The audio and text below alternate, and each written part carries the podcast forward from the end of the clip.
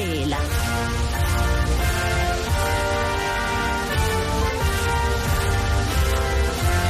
Omunye ke walabantu yena othe akazokuvakasha kodwa uzovele ayozinza kwelinye lamazwe aphesheya kwezilwandle esixoxa naye njengamanje ulungani Leo Gwala. Mphephethe sawubona?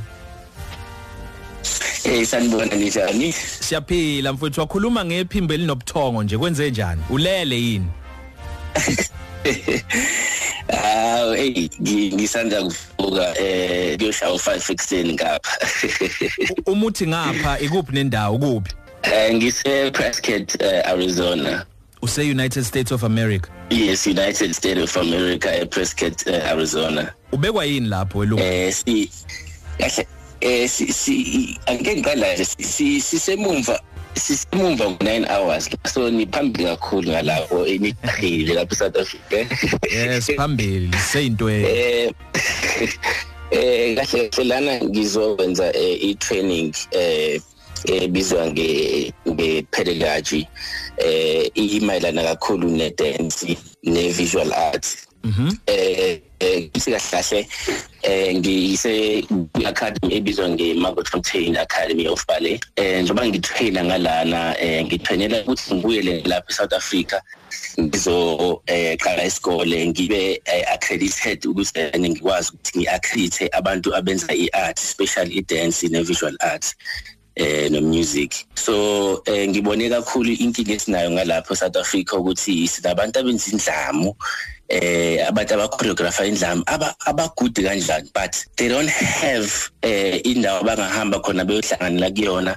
Bafike bafunde or bathole ama accreditation babe ama professional international choreographers endlamu. Noma ngabe African dance yipi mhlawumbe ngabe isitswana indlamu ngabe noma yipi African dance ekhona.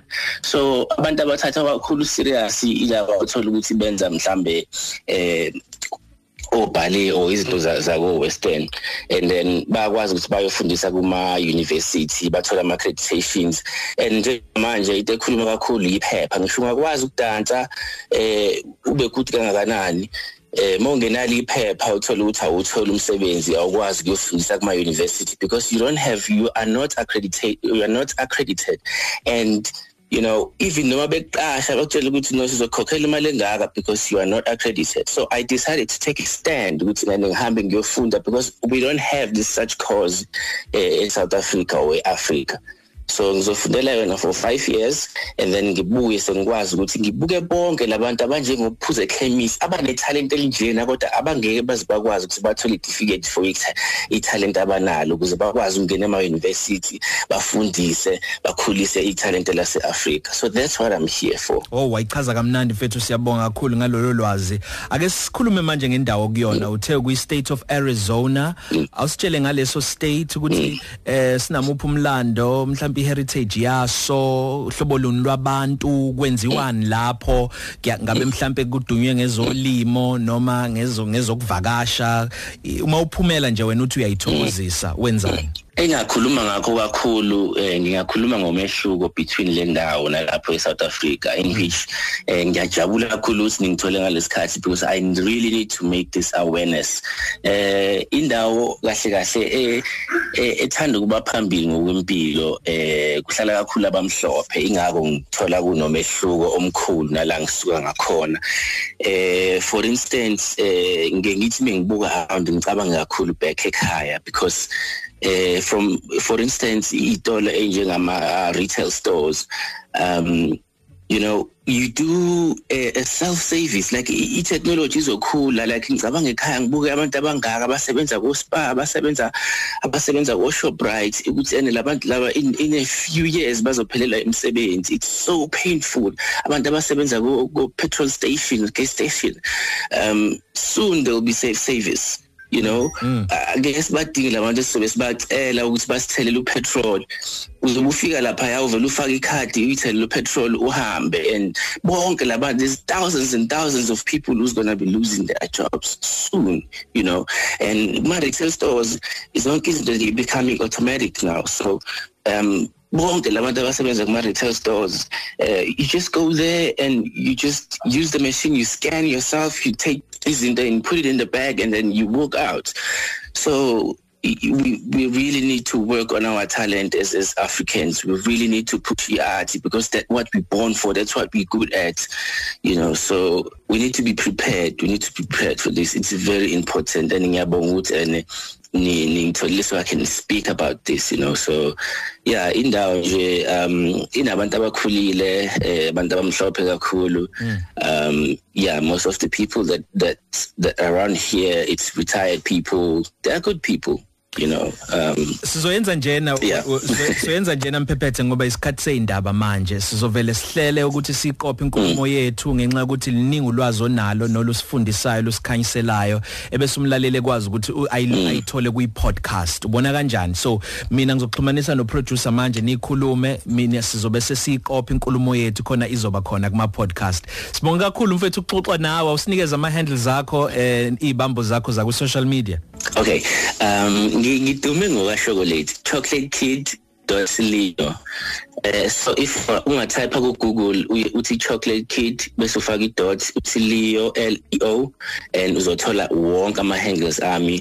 And then i-website ithi diverse sa www.co.za Sibonga kakhulu. Sibonga kakhulu Lungani. Uluyena ke uLungani la kwi state of Arizona eh wenza eh, uyadansa lapha njengoba futhi eh, kwi performing art ngicabanga ukuthi usho kanjalo uyiciko elizinze eUnited States of America. Um iArizona eh indawo eh, egcwele kakhulu abantu asebekhulile asebe retire and um i talent balithatha serious kakhulu uh because ba understand ukuthi um i talent is into osuke kade uphiwe yona. Uh uma esikoleni uyofunda? Um ube intelligent but then um i is like wisdom into ephiwe yona ongeke uzuyithole esikoleni. Isikole is there to shape you ukuthi uzokwazi ukuthola i-direction yakho. And they believe ukuthi akekho umuntu oyisidomu akekho umuntu ongenalo italent so they make sure la Arizona ngiyathanda indlela abasebenza ngayo because ngiyathanda indlela abasebenza ngayo because they don't look at you and think ukuthi khona into engikwazi engikuzukwazi ukuyenza. They look at your strength and work according to to your strength rather than izinto ongazazi.